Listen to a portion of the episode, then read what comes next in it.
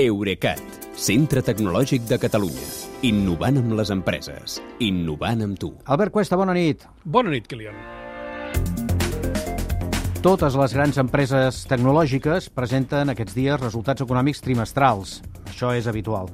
Però amagades al fons de les xifres, i això necessita que algú s'ho miri al detall, i això ho fa l'Albert Cuesta, doncs amagat al fons de les xifres hi ha algunes coses, algunes novetats que t'han cridat l'atenció. Sí, això d'aquests dies és un no parar. La setmana passada va presentar resultats Tesla, ahir ho van fer Google i Microsoft, avui Spotify, Meta i Samsung, i demà ho faran Amazon, Apple, Inter, Intel i Twitter. Però, com dius, eh, eh, al darrere de les xifres, que no comentarem gaire, eh, deixem que em centri en un parell de detalls tecnològics de les dues empreses que han sigut més matineres, precisament. Per ordre cronològic, et sembla? Eh, toca començar amb Tesla.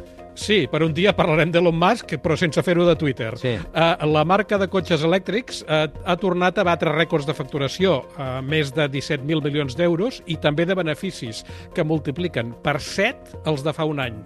Però el que m'ha semblat més significatiu és que Tesla ha explicat per primera vegada detalls sobre les bateries dels seus cotxes.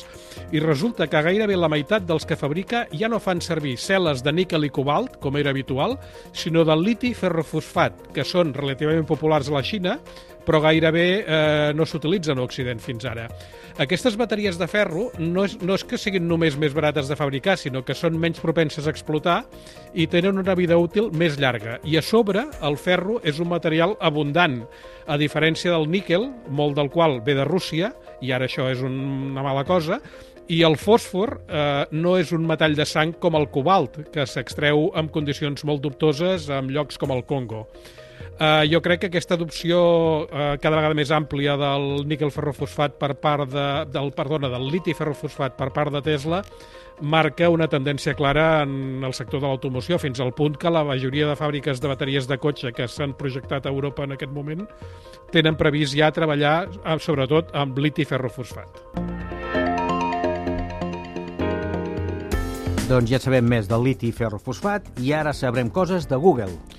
Uh, sí, la matriu de Google, que es diu Alphabet, uh, el trimestre passat va facturar un 23% més uh, interanual, però és que fa un any el creixement va ser del 34%, i sembla que una part de la frenada és culpa de la filial YouTube, que ha facturat menys del que s'havia previst.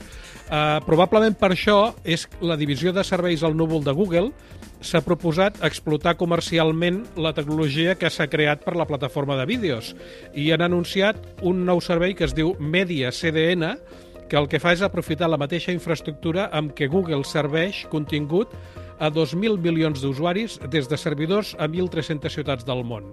Aquest eh, Media, Media CDN ve a ser com un YouTube de marca blanca que Google llogarà a mitjans de comunicació i empreses d'entreteniment audiovisual amb els mateixos atributs de, diguem-ne, rapidesa, fiabilitat, intel·ligència artificial, protecció contra ciberatacs, estadístiques, funcions interactives i gestió d'anuncis que fan que YouTube sempre estigui situada per davant de tota la seva competència. I, per tant, si volem muntar a dia d'avui o d'avui per demà, per ser exactes, una televisió per internet, més fàcil impossible. Sí, només cal anar a Google i llogar-li això del Media CDN. Veus?